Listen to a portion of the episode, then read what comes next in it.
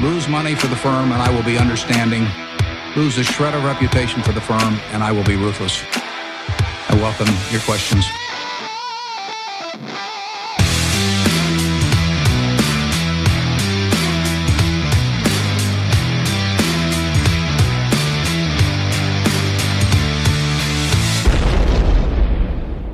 Välkomna till Kvalitetsaktiepodden. Det är jag som är Ola.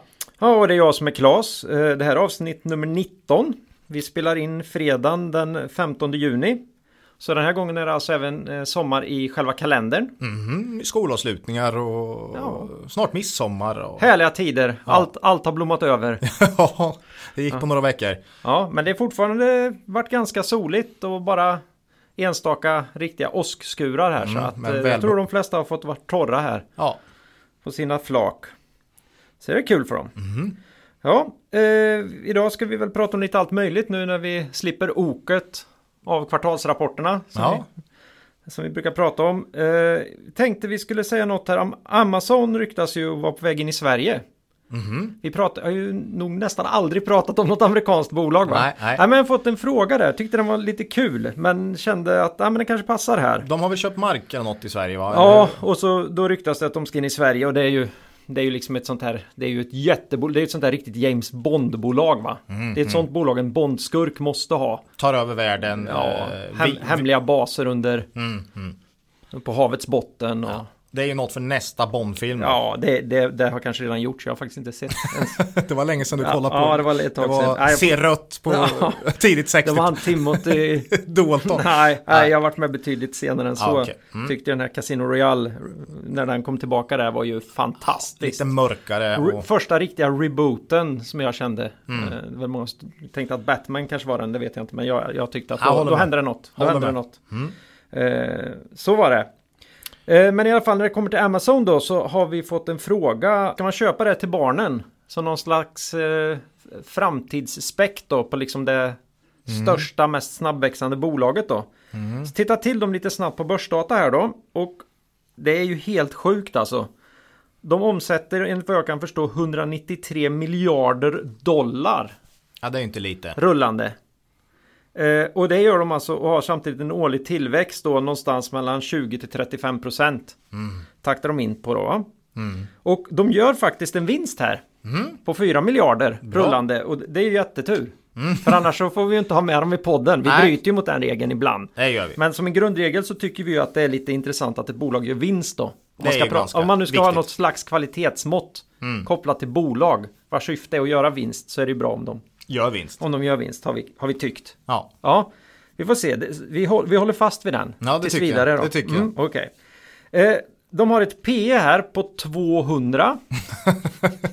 ja. Ja, det, man ska få att skratta åt de här för de kommer ju... Får ju den mest luttrade investeraren att rådna alltså. Det, Ja, ja. det gör verkligen.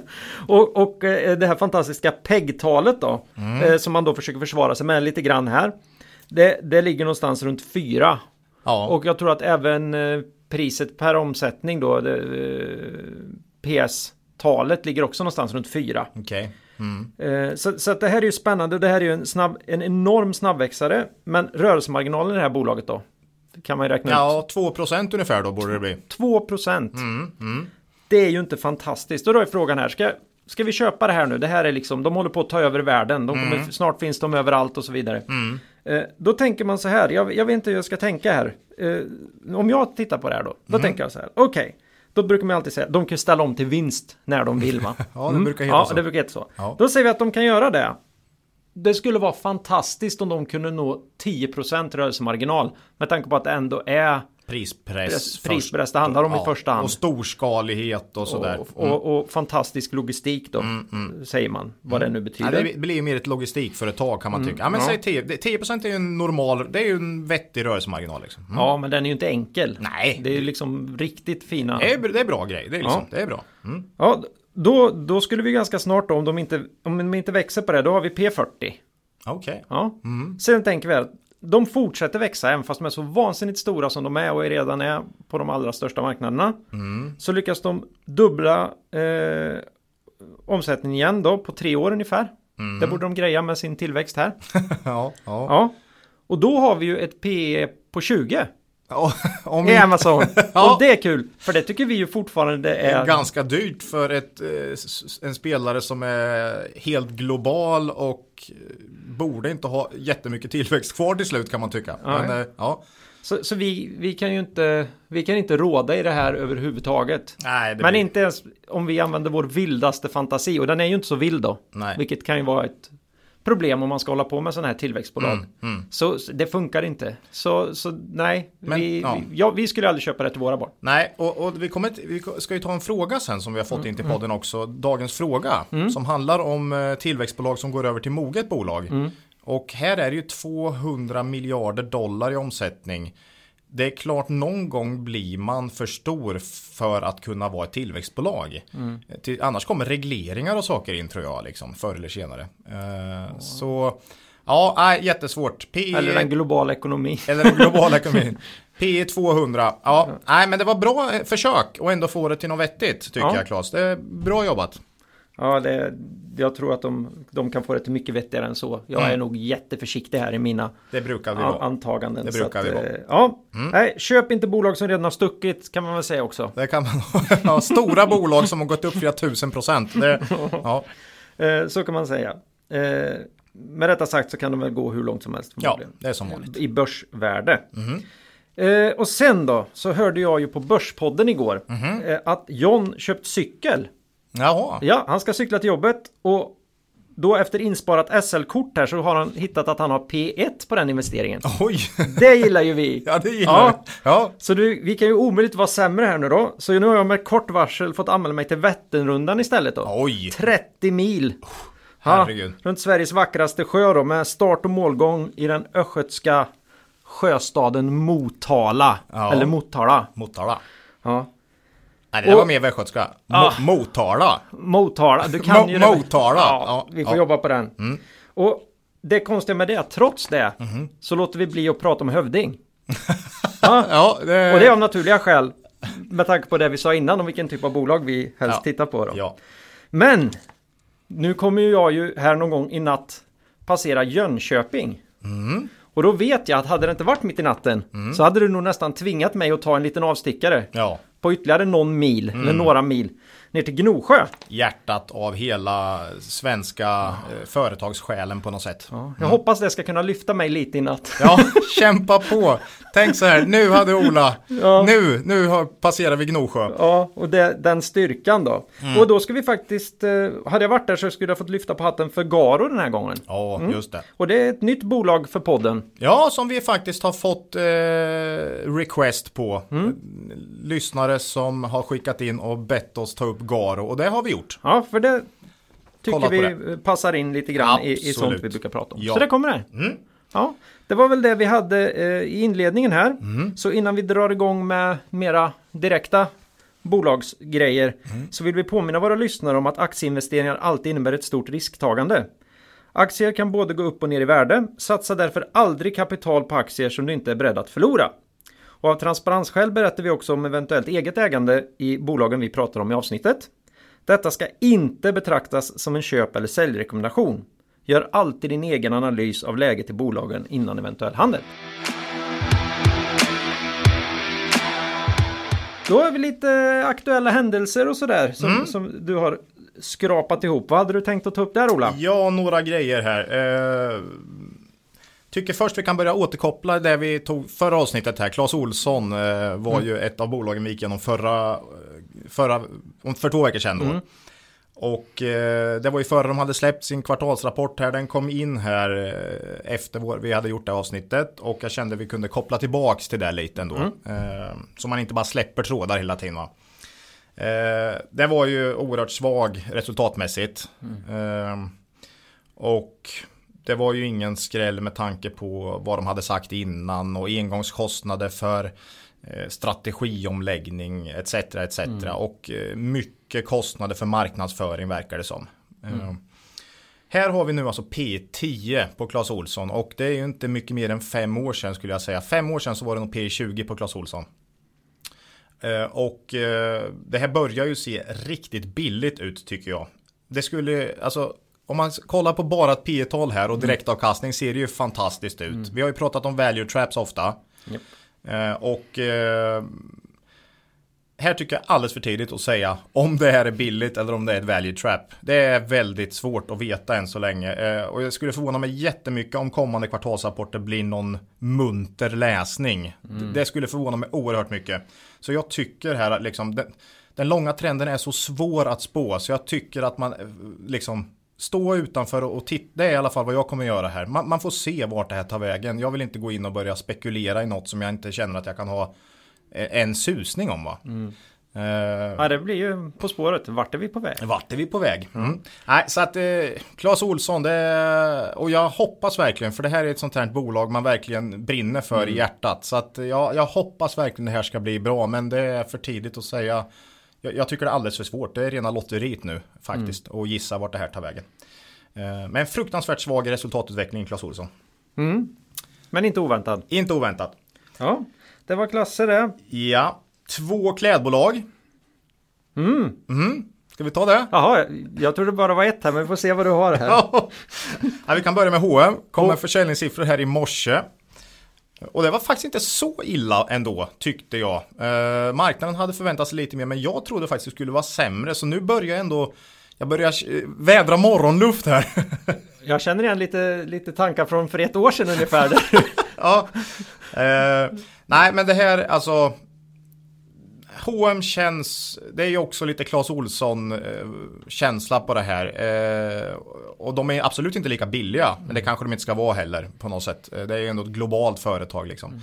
Ehm, men här tro, tycker jag ändå att om en, några kvartal så kan man kanske se att man ändå kan börja öka vinsten jämfört med samma kvartal året innan. Jag, jag, mm. det är inte jättelångt fram ändå som jag tycker man kan se det. Så att Mm. Eh, H&M börjar ändå kännas som att vi mm. kanske passerar det värsta liksom. Eh, men det är mm. P 16, 17 så det är inte fortfarande jättebilligt. Liksom. Och man tappar like for like. Man tappar like for like, precis. Man ökar antal butiker med 7% och ändå står omsättningen stilla. Så att det är klart det kommer pressa marginalen även framöver här. Men eh, mm, jag tyckte både de senaste två kvartalen innan har faktiskt, tycker jag, har sett sämre ut. Så att eh, Kanske någon form av derivata trend här som börjar eh, ändra på sig. Ja. Um, ja, men det kan man säga om H&M då. Mm. Som kom in i morse. Det andra klädbolaget då, lite humoristiskt. Vet du vad det är? Ja, nu, nu såg jag ju ditt papper här. okay. Så nu vet jag ju att det är Svedol och jag märker alltså att du också lyssnar på andra poddar. Ja, ja. Nej, eh, Swedol har ju då eh, mer än 50% av sin försäljning inom eh, skyddskläder och eh, ja, kläder för eh, olika typer av verksamheter. Ja, industri och hantverk och mm. skog mm. och ja, lantbruk. Jag var ju nere på ett snabbesök på Sweden Rock här eh, förra veckan. Då såg jag ju att eh, samtliga de här eh, som jobbade då eh, på området hade Swedol-kepsar etc. Så att mm. ja, man finns på många ställen. Mm. Men klädbolag kanske det inte är fullt ut. Eh, ja, här... Skulle du uppleva att det var rätt klientel på Sweden Rock för Swedol? ja, det tror jag nog. Det är 40 till 50 år. Var det mycket män där Ola? Ja, ja, det var mycket män. Ja. Jag är chockad. Ja, nej men så att här steg försäljningen med 8,1% i maj. Eh, lika många arbetsdagar och eh, lika många butiker. Mm. Så att det är verkligen organisk tillväxt på 8%. Så vädret verkar ha Ja, det har inte gjort någon skillnad för Svedol här helt enkelt. Man har mm. fortsatt shoppa loss. Eh, det är fruktansvärt starkt, fortsätter trumma på. Försäljningstillväxten i Q2 bör bli cirka 10% tror jag. Organiskt då. Det är inget förvärv här utan det är, det är organiskt. Eh, sen har man pratat förvärv senaste kvartalen så att det kan mycket väl komma in något förvärv kommande kvartal här också och eh, ja, då bör man ha P 10 11 någonting. Så att det känns ju bättre att köpa ett bolag till P 10 i bra trend än till P 10 i dålig trend. Mm. Eh, så Swedol tycker jag känns fortfarande eh, bra och intressant. Mm. Tycker jag. Um, någon mer nyhet? Ja, System Air kan vi ta. Mm. Släppte ju rapport här då i linje. Det var en buy and hold. Ja, uh, har ju inte haft en bra utveckling nej. kan vi säga. Inte. Uh, nej. Och de släppte en rapport i linje med vinstvarningen. Som kom för några veckor sedan. Här var det mycket engångsposter men det är inga bra engångsposter som jag ser det. Mycket beror på dem själva. Det är stora projekt med negativ marginal, det ska man ju ha räknat på tycker jag på något sätt. Eh, det är nedskrivning av goodwill, ja då har man betalt för mycket och en osäker fordran. Ja visst, men det, det är ändå mm. saker som jag tycker de, det är inte valuta och sånt som mm. omvärldsfaktorer utan jag tycker mycket här beror på dem själva. Va? Mm. Um, och den här långa trenden i systemet fortsätter. Man har liksom ökat omsättningen med 10% per år senaste 10 åren men vinsten har stått stilla. Man måste se en vändning här. Marginalen har ju halverat, mer än halverats på 10 ja, år. Uppenbarligen är det negativ i några stora ja. projekt. Eh, jag måste, man måste se en trendvändning marginalmässigt här. Den har pågått alldeles för länge för att man ska liksom negligera den tycker jag. Mm. Um, så ja, P 18 ungefär. Och det är ju lägre än vad de har haft på länge men ja, man måste se en vändning här tycker mm. jag. Eh, så vi får se vad som händer i eh, Systemair framöver. Mm. Ja, vi eh, har ju förtro förtroende här men någonstans så behöver de börja leverera. Mm. Och det känns som att eh, det har pågått lite för länge. Mm. Eh, ett sista bolag vi kan ta här i nyhetssvepet är väl Enia då som vi har pratat om i podden. Ja, vi tog upp dem i början på maj tror jag. Ja, just det. Ja. Eh, lite recap där. Det är mycket intressanta saker som har hänt senaste tiden mm. där tycker jag. Dels har man fått den här den osäkra fordran, eller man hade ingen osäker fordran, men man, det var en kund som hade slutat betala fullt pris. Och alla är överens om att det är Ericsson? Ja, alla är överens om att det är Ericsson och den är nu settled och det blev full betalning där. Mm. Eh, min lilla spaning är kanske att Ericsson kände att eh, oj, nu måste vi ha in eh, mjukvara till våra 5G-enheter. Var ska vi köpa det ifrån? Och så gick man till Enea då. Mm. Kanske, som, eh, som är bäst på det här och så uh, sa Enea, ja visst, men då får ni ju betala det ni är skyldiga oss.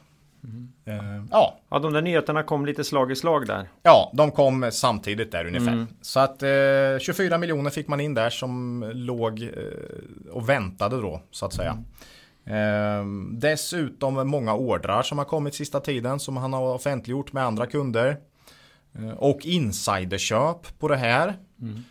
Ehm, så det är mycket spännande tycker jag som händer i Enea just nu. Och mm. man har som sagt P13, ja, 14 kanske på ett globalt ledande mjukvarubolag. Det är ju inte ofta man ser. Ja. Så att, eh, mm. Och det kan vi säga redan här att vi äger Enea idag. Vi äger Enea, mm. så är det och har gjort under ett ganska bra tag nu. Japp. Mm. Så är det med det. Uh... Ja, men det var väl det nyhetssvepet jag hade. Ja. Mm. Då ska vi hoppa över till eh, lite bolag som vi har grävt lite djupare i då. Mm. Det brukar ju vi tycka är bland det roligaste som finns. Mm. Så det, det, vill vi göra även då. Ska vi, ska vi hoppa på Gnosjö? Ja, det är Direkt. klart. Det är klart. Ja. Det var ju by on request och allt. Ja. Så att, ja. Och då är det alltså Garo. Och det här ska du gå närmare in på. Jag säger ju att det här är elprylar mm. från Småland. Ja, mm. Det är, då, ja men då stannar vi där då. Ja. Ja, Eh, ja, Garo, ja, det här är ju ett Gnosjöföretag då. Eh, mm. Gnosjöandan, Småland. Eh, man grundades 1939. Storägare Lars Svensson, tidigare vd, nu, fort, ja, nu med i styrelsen. Mm. Du hör ju själv eh, hur bra det, det låter. Jag tycker det luktar kött och blod här. ja, redan här börjar det vattnas i munnen. Det är ju helt eh, mm. klart alltså. Mm. Man har eh, ungefär 50% av omsättningen ligger på installation då som man kallar det. Det är 3500 olika elartiklar för mycket eh, nybyggda fastigheter, eh, bostäder och mm. så vidare.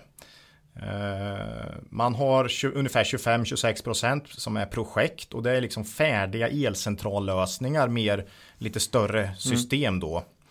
Eh, sen har man 13% då som man kallar för ladd. Och det är det som växer absolut snabbast i GAR. jag tror, här fanns ju ingenting för tio år sedan. Mm. Men här har man en snabb tillväxt och det är då alltså eh, laddstationer för bilar framförallt mm. är det ju.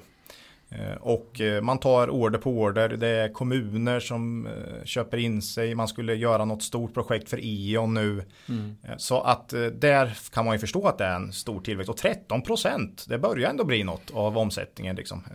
Mm. Så de är en del av elbilsrevolutionen? Alltså. Ja, lite så. Mm. Och det kan man rida på den vågen.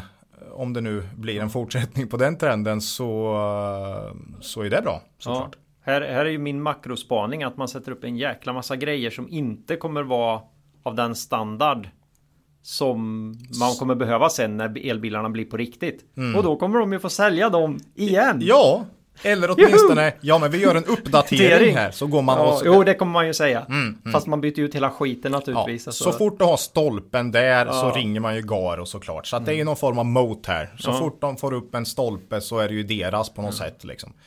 Ehm, sen har de 10% av omsättningen tillfällig el då kallar man det. Och det är vad jag skulle kalla byggel. Det vill säga NCC, Peab har då någon tillfälligt aggregat på sitt eh, bygge va. Mm. Så där har du en eh, överblick över vad man säljer. Man pratar själva om att man givetvis är beroende av den här eh, bostadstrenden i Sverige och, och byggtrend.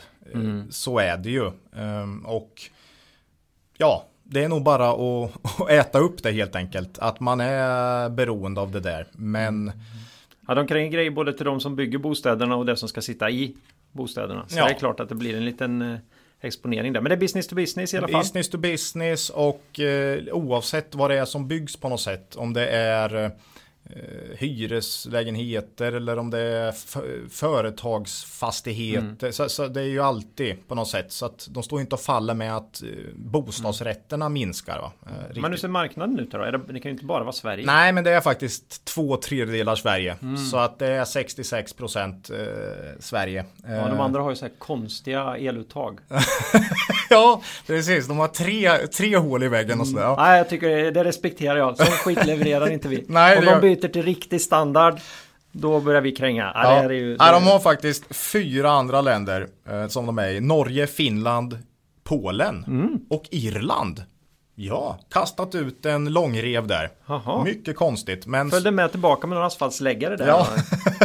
Ja. Den, den är lite konstig. Lite det skulle vara konstigt. spännande att få reda på hur det gick till. ja, nej, jag vet De inte. kanske har rätt. Du rätt som är bra på el, är det, Nej, för- är det nej. någon långkabel som finns mellan? Nej, det är inte så. Ja, inte, inte, inte än i alla fall. Nej, eh, nej, men det här är ju ett jättebra fint bolag. Eh, man har finansiella mål på mer än 10% organisk tillväxt per år. Eh, Nu i och för sig, vi pratade ju om eh, finansiella mål sist, kommer du ihåg. Och, och den här att det inte alltid stämmer överens med verkligheten och att de ligger ganska långt ifrån. Men här är man ju där. Eh, Så 10% organisk tillväxt, över 10% rörelsemarginal och över 20% avkastning på eget kapital. Det är liksom deras eh, huvudmål och man ligger ju där och taktar. Mycket fint. Eh, Senaste sex åren har nämligen omsättningen ökat med i snitt 12%. Så lite bättre. Och ebit med över 20% per år har den ux- vuxit. Så att, eh, men det har varit bra år i Sverige. Det är ju ingen snack om det med extremt mycket bostadsbyggande. Eh, balansräkningen är i gott skick som Smålandsbolag ofta har. Eh, de håller i pengarna. Ehm, man pratar ju som jag sa mycket om byggmarknad och bostadsbyggande. Frågan blir väl lite hur mycket Garo kommer tappa där. När, i, i, alltså svagare byggtider i Sverige. Ehm, Jag tror det kan vara en hel del och det är jättesvårt att säga om. Jag har inte statistik från längre än 2011 för de kom ju till börsen här för bara några år sedan. Så att jag har liksom, jag skulle gärna vilja se eh, 00-talet där och sådär men tyvärr. Så att det, det blir ju en öppen fråga där. Ehm, 2018 har dock startat väldigt bra. Så än så länge inga eh, mörka moln tycker jag. Eh, Man växte med 14% med om, omsättning och vinsten eh, ökade med 6%. Eh, kollar vi på börsdata så ligger prognosen här på 8,50 i vinst per aktie för 2018. Mm. Eh, och det ger exakt P20. Mm. Eh, och Garo känns som ett sånt där bolag som ska ha ett högt P men inte 20 kanske. Men säg 17, 18, alltså sån här riktigt välskött. 17 kanske. Men det känns lite för högt i dagsläget. Framförallt om man tänker på då de riskerna som finns med den svenska konjunkturen och sådär. Så det känns som att man vill bättre, eh, vänta lite här till, till lite sämre tider. Eh, Nu är det ett sånt här bolag igen Ola. mm, mm. Ja, ja, men, Åh, ett så fantastiskt bolag. Tänk om det bara vore billigt. Ja, så eh, ja, nej men det är många sådana bolag man kommer till nu tycker jag. Fin, de fina bolagen värderas högt och eh, kollar man senaste tidens insider, eh, insideraffärer ser det inte jättekul ut heller. Det är mycket sälj där. Ja, kanske är nöjda på den här nivån. Kan vara nöjda. Smålänningarna brukar ju veta när det är dags att sälja så att säga. Eh, jättefint bolag. Inget snack om att vi kommer följa det här under lång tid framöver. Men eh, det är nog bättre att köpa i en liten annan konjunktursituation. Kanske. Mm. Ja. Det var Garo då. Ja, Ja, det var kul. Eh, något helt annat. Ska vi, ska vi gå på Kopparbärs? Oj! Va? Nej, sommar och sol Ja. och fotbolls-VM. Det kan ju inte bli mer. Ja, min, min intro på dem är cider och ölbryggeri Mm. som gör reklam för läsk på tv. Ja, ja. ja jag, jag såg någonstans de börjar, när de pratar om sig själva, att de börjar med eh, vi säljer vatten, läsk och sen kom cider och öl. Det, var, det är så roligt, det är lite som de här spelbolagen som försöker få det att, framstå som att de inte säljer spel på något sätt. Det, ja, Nej, de säljer upplevelser. de säljer och- upplevelser. Ja. Mm. ja, det gör de i och för sig. Då. Jo, jo. Och Kopparberg säljer också vatten, men mycket cider. eh, ja, nej, men Q2 här då, om man, om man kollar eh, Q2 som har inletts nu. Bo, alltså, det finns ju alla förutsättningar här. Det är kalasväder i norra Europa och fotbolls-VM. Eh, herregud, när dricker man inte öl och cider alltså? Det, Gör man inte nu så gör man det väl aldrig liksom. Nej, men Ja. man kan tänka att det är lite, lite skördetid här. det, det bör kunna vara så. Eh, man, har, man har ju en väldigt fin historik som bolag. Eh, men de två senaste åren har ju bjudit på en lite svagare utveckling faktiskt. Och här är ju valutan del. Man har pratat om vädret också. Frågan är om det inte är något annat. Det är ju alltid jobbigt med det här bolaget som skyller på valuta och väder tycker jag. Även om det just i det här fallet är väldigt förståeligt om väder och valuta, att, att det påverkar Kopparbergs. Eh, men, ja, svårt alltså. Men sista två åren har varit sämre för Kopparbergs. Och kollar man tillbaks lite så var faktiskt omsättningen 2015 högre än vad den var, har varit de senaste fyra kvartalen här. Eh, Och detsamma gäller vinsten. Så att det här tillväxtbolaget Kopparbergs har ju eh, tappat lite. Eh, Helt klart. Eh, Kopparberg känns som ett bett på att framförallt ciderexporten kan utökas tycker jag. Man är ju väldigt stor i UK där.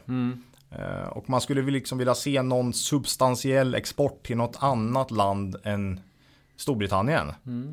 Det här är, nu närmar vi oss det vi kommer att prata lite om sen. Mm. Det här med mm, olika mognadsfaser. Ja, eh, kommer man tillbaks Var, dit. var ska man växa? Ja. Och vad gäller UK så har du hela problematiken med Brexit och pundets svängningar och det här. Ja, vi har ju pratat om det där förut. Ja, nu kom man dock med ett pressmeddelande igår faktiskt. Eh, och där gjorde man klart att man ska börja producera cidern som säljs i UK i UK. Och på det sättet Landsförrädare alltså. Ja, på det, man ska, frukten ska man dock ta från Sveriges oh, oh, skönt. Ja, ja. ja, Nej, jag ja. vart ju jätteorolig där. Hela, ja. Nej, så det går, det hela går fagra ju, Österlen skulle liksom nej, det bara... går ju direkt då på prom från Österlen till Luton då. Det här har vi, det här har vi Nej. starka bevis för. Nej, det har vi inte. Men, eh, men något liknande då va? Ja. Eh, men man ska alltså börja producera siden i UK. Eh, och då kommer man ifrån den här Brexit. För det, alltså, många bolag säger att vi köper bara, numera köper vi bara saker som produceras lokalt. Just det är säkert att man vågar inte chansa, man vet inte vad som kommer hända. Så att då kommer man ifrån det och dessutom så minskar ju valutarisken då. För då har du ju både kostnader och intäkter i samma valuta. Där. Så att, mm, intressant. Eh, Och säkert ett väldigt eh, bra drag på sikt tror jag. Men det kan ju bli lite uppstartskostnader. Man ska eh, bygga fabrik och, och sådär va. Eller åtminstone få in, dit produktionen och få igång den va.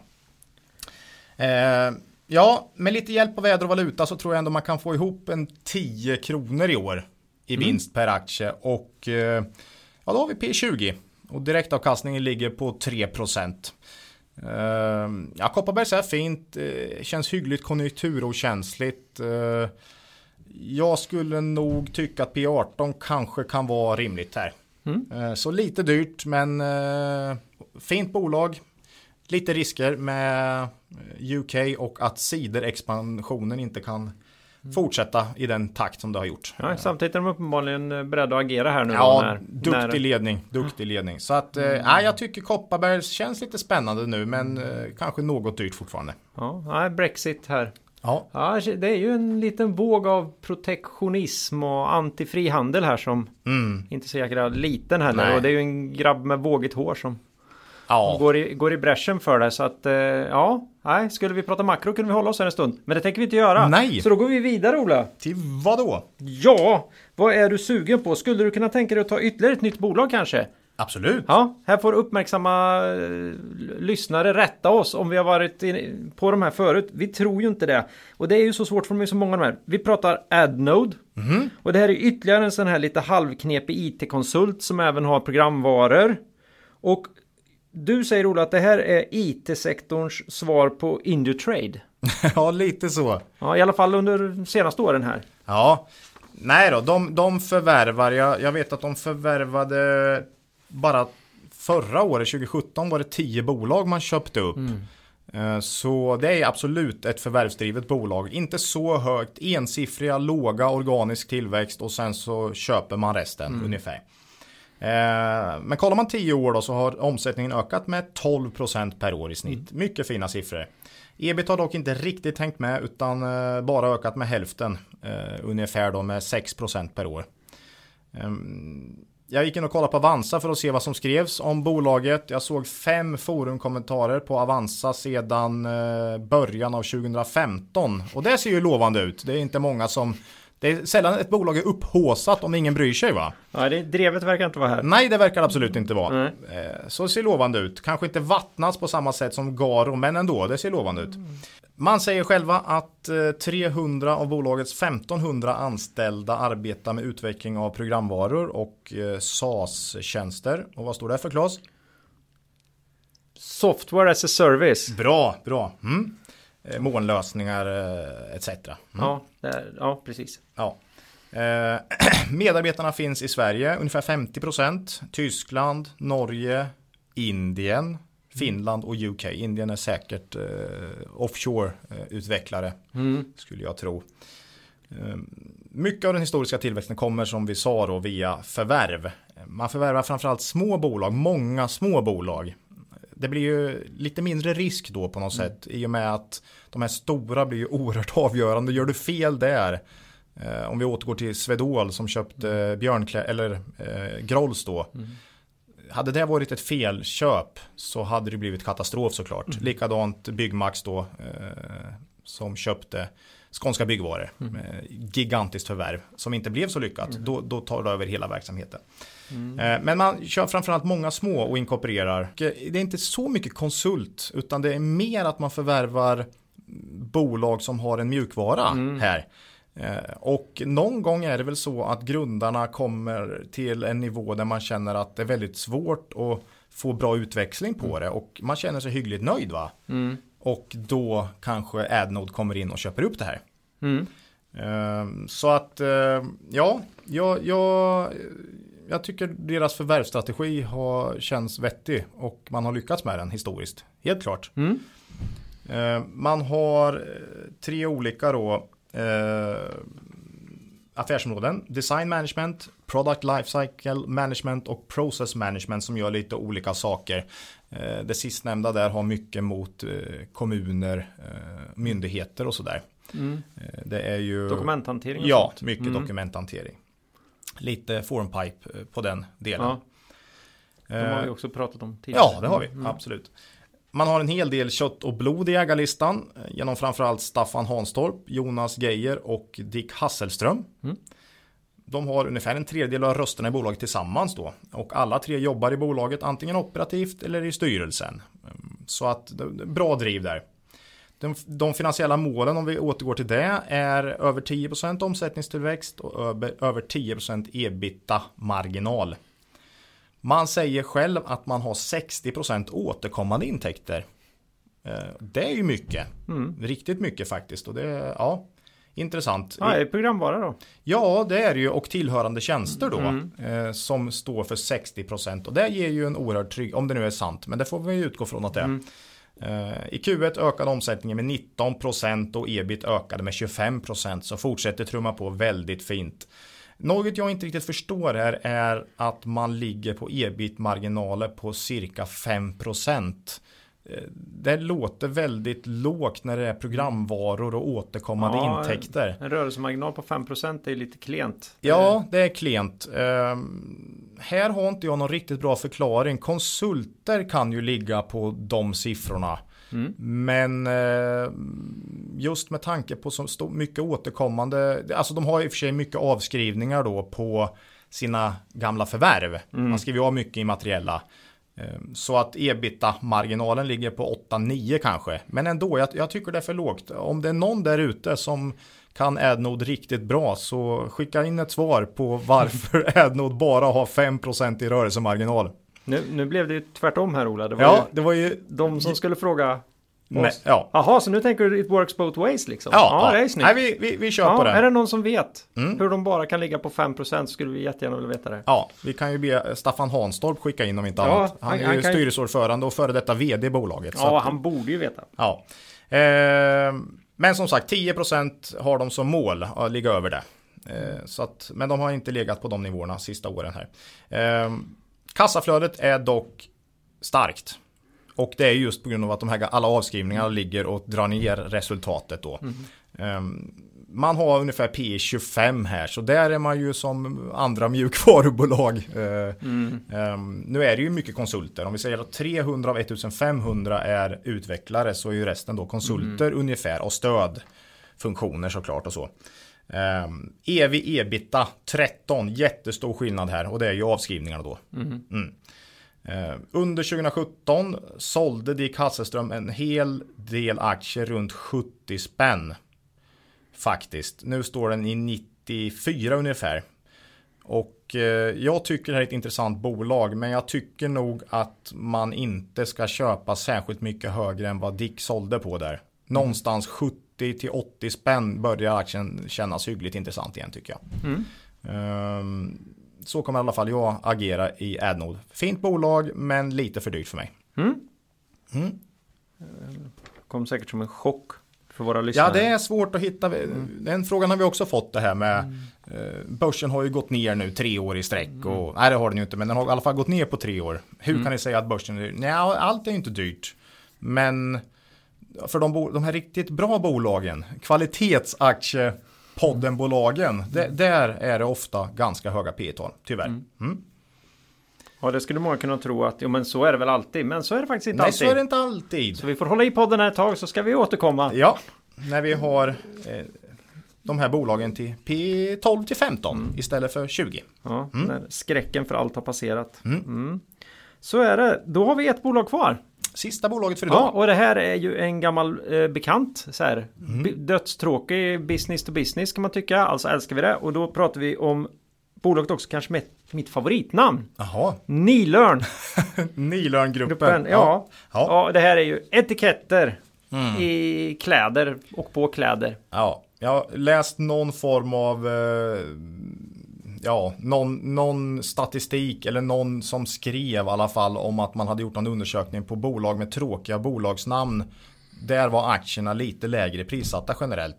Jag tror på det. Och där bör ju Nilörn ligga bra till. Lagerkrans också i och för sig. Eh, sist vi snackade Nilörn var i februari. Så lite vatten har ju runnit under broarna. Eh, Då hade man precis släppt Q4 för 2017. Och eh, jag lyssnar tillbaks på det där nu såklart. Innan vi skulle prata om Nilörn den här gången. Och en summering av det här snacket var väl att aktien var intressant, bolaget intressant eh, och den såg inte särskilt dyr ut aktien. Men att Q1 hade brutalt svåra jämförelsetal. Det var eh, liksom en summering av det. Eh, Q1 har ju släppts nu och mycket riktigt blev det för svåra jämförelsetal då. Omsättning minus 2% och ebit minus hela 24%. Eh, Men marknaden har skakat av sig det här ganska bra så att det är, som, det är inte alltid så att en analys, att den kan vara rätt men du vet ju inte hur marknaden agerar va. Eh, För aktien stod nämligen i 80 kronor när vi pratade om den, nu står den i 82. Och då har du dessutom fått 4 kronor i utdelning under tiden. Så att 8% sedan februari har faktiskt aktien gått upp. Eh, Det är ju bra. Ja. Det är rimligt. Eh, Och här var det så att aktien gick starkt före rapport och sen föll den på rapport ungefär som jag trodde då. Va? Eh, Men jag hade ju inte räknat med att den skulle gå så starkt innan då.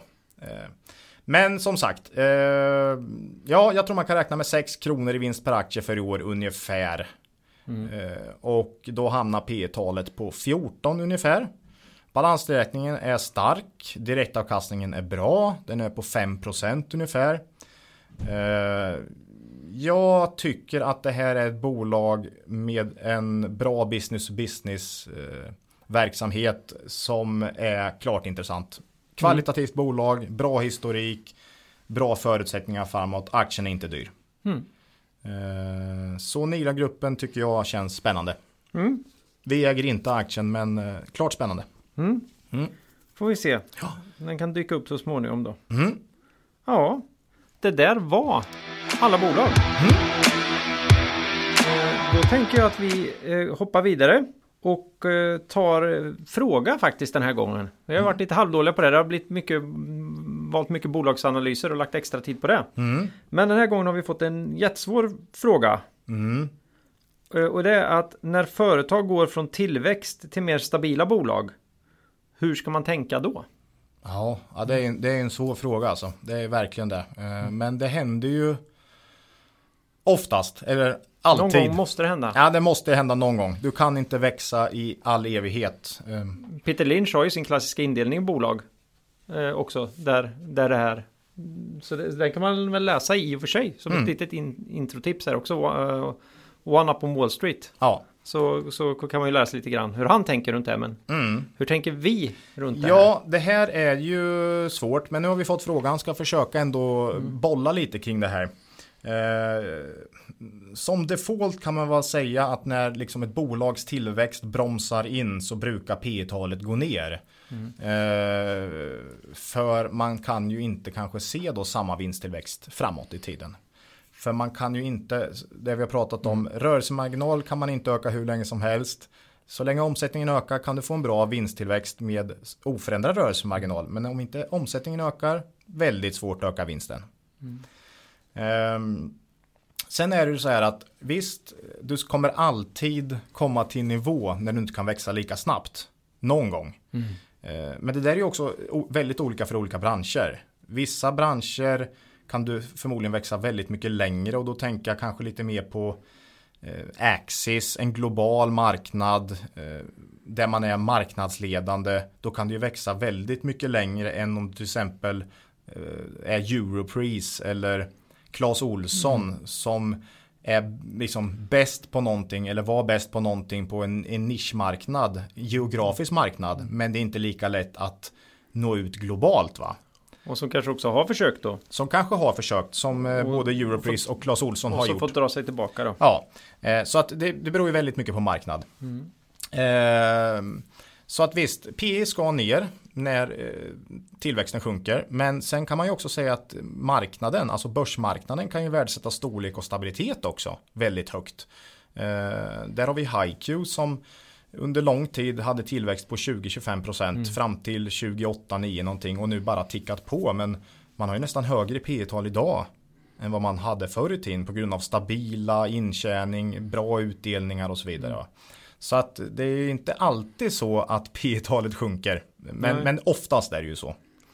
Eh, sen ser man ganska ofta tycker jag att när bolag börjar komma till den här nivån där det är lite svårare att få organisk tillväxt att man börjar stötta den med mer och mer mm, förvärv då. Mm. Och det var ju som vi pratade här nyss om eh, Byggmax till exempel eller eh, Swedol kanske va. Mm. Eh, och då, då är det ju oerhört viktigt att man kan det va när man då ska försöka stötta den organiska. Det kan ju bli fel såklart. Mm.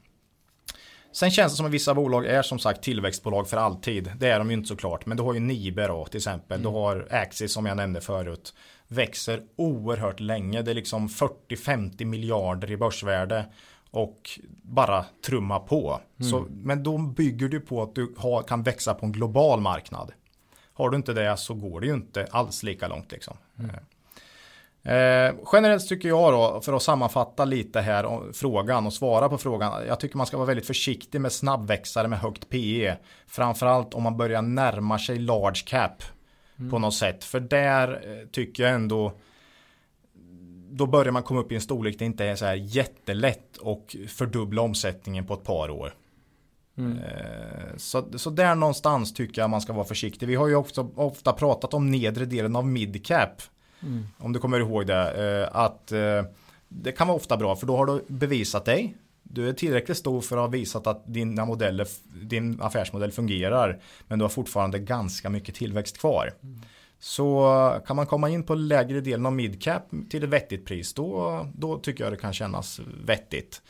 Eh, men äh, det är ingen lätt fråga det här. Nej, för, för underförstått här så pratar vi om den här typen av kvalitetsbolag som vi ändå tittar på som lite grann blir vid sin läst ändå. Mm. Det är innovativa framåt bolag men de är ju inte vilka språng och krumbukter Nej. som helst utan de vet ju vad de tjänar pengar på och vi vet vad de tjänar pengar på. Mm. Uh, vet vad du äger och varför du äger det och så vidare. Mm. För, för, det är klart att det, man kan också bli läskad och det kan väl de här bolagen också bli lite grann kanske av att och peka på någon annan del av sin verksamhet. Mm. Som att det här, nu, nu ska vi in i den här branschen eller ja. vi ska göra det här förvärvet. Mm. Det har vi ju sett mycket nu då med att man ska ut på nätet och köpa sig en position där eller mm. man, eh, Clas Olsson köper in sin mathem här. Mm. Eller H&M till exempel ja. då. Nu, nu, har vi ju en strukturomvandling i den branschen. Men det är ändå så att ett bolag som har handlats till P 2025 och vuxit med 10% per år under oerhört många år. Och sen så bromsar in då ganska snabbt. Eh, väldigt svårt då att inte få en stor kursnedgång. Mm. Och helt plötsligt så börjar analytikerna säga ja, bara fokusera på online-delen. Och, mm. Alltså man ska liksom, ja men Bara det här, det här som ska växa bolaget. Ja, det är det här som ska växa. Mm. Alltså du försöker klamra dig fast vid vad är tillväxtmotorn då? Mm. Eh, nej men så att det kan bli dramatiskt när bolag uppnår en, liksom en sån storlek så att, eller någonting händer som gör mm. att man får en lägre tillväxt. Eh, det brukar kunna bli smärtsamt. Eh, mm. Och det är väl det vanliga. Mm. Så därför var lite försiktig med att betala P 25 för väldigt mogna stora bolag. Eh, tycker jag. Mm. mm. Ja, det var någon slags svar i alla fall. Någon slags svar. Mm, och jag gjorde det nog bara mer förvirrat. Ja. Men eh, jätteintressant fråga. Mm, som vi har fått fundera en hel del på. Ja. ja, då kör vi citatet då. Rakt på. Och eh, då säger vi så här. Fisher, eh, Philip Arthur Fisher har sagt att the stock market is filled with individuals who know the price of everything but the value of nothing. Och det här är ett eh, snott citat kan man säga från eh, en bok av Oscar Wilde. Aha. Men det, han satte det ju i vår kontext kan man säga. Mm. Så, eh, Oscar Wilde pratar nog om cyniker men det funkar ju väldigt bra på Aktiemarknaden. Aktiemarknaden också. Va, vad säger det här? Skulle kunna vara Buffett. Ja, det Absolut. kunde ju vara vem som helst ja. av de här. Mm. Nej men det här tycker jag, det, det, säger, låt inte kursen styra dig för mycket här. Eh, det är inte så att du går in, alltså det, det ger inget värde i sig att kunna aktiekursen på alla olika bolag och aktiekursen är inte det som visar som, vad rätt pris är. Mm. Utan vänd på det och gå in och börja räkna på verksamheten och kom fram till vad du tycker den är värd och sen ställer du det i relation till vad marknaden har mm. kursat, mm. eh, prisat bolaget till. Mm. Och kan du då köpa bolaget för en margin of safety så köp.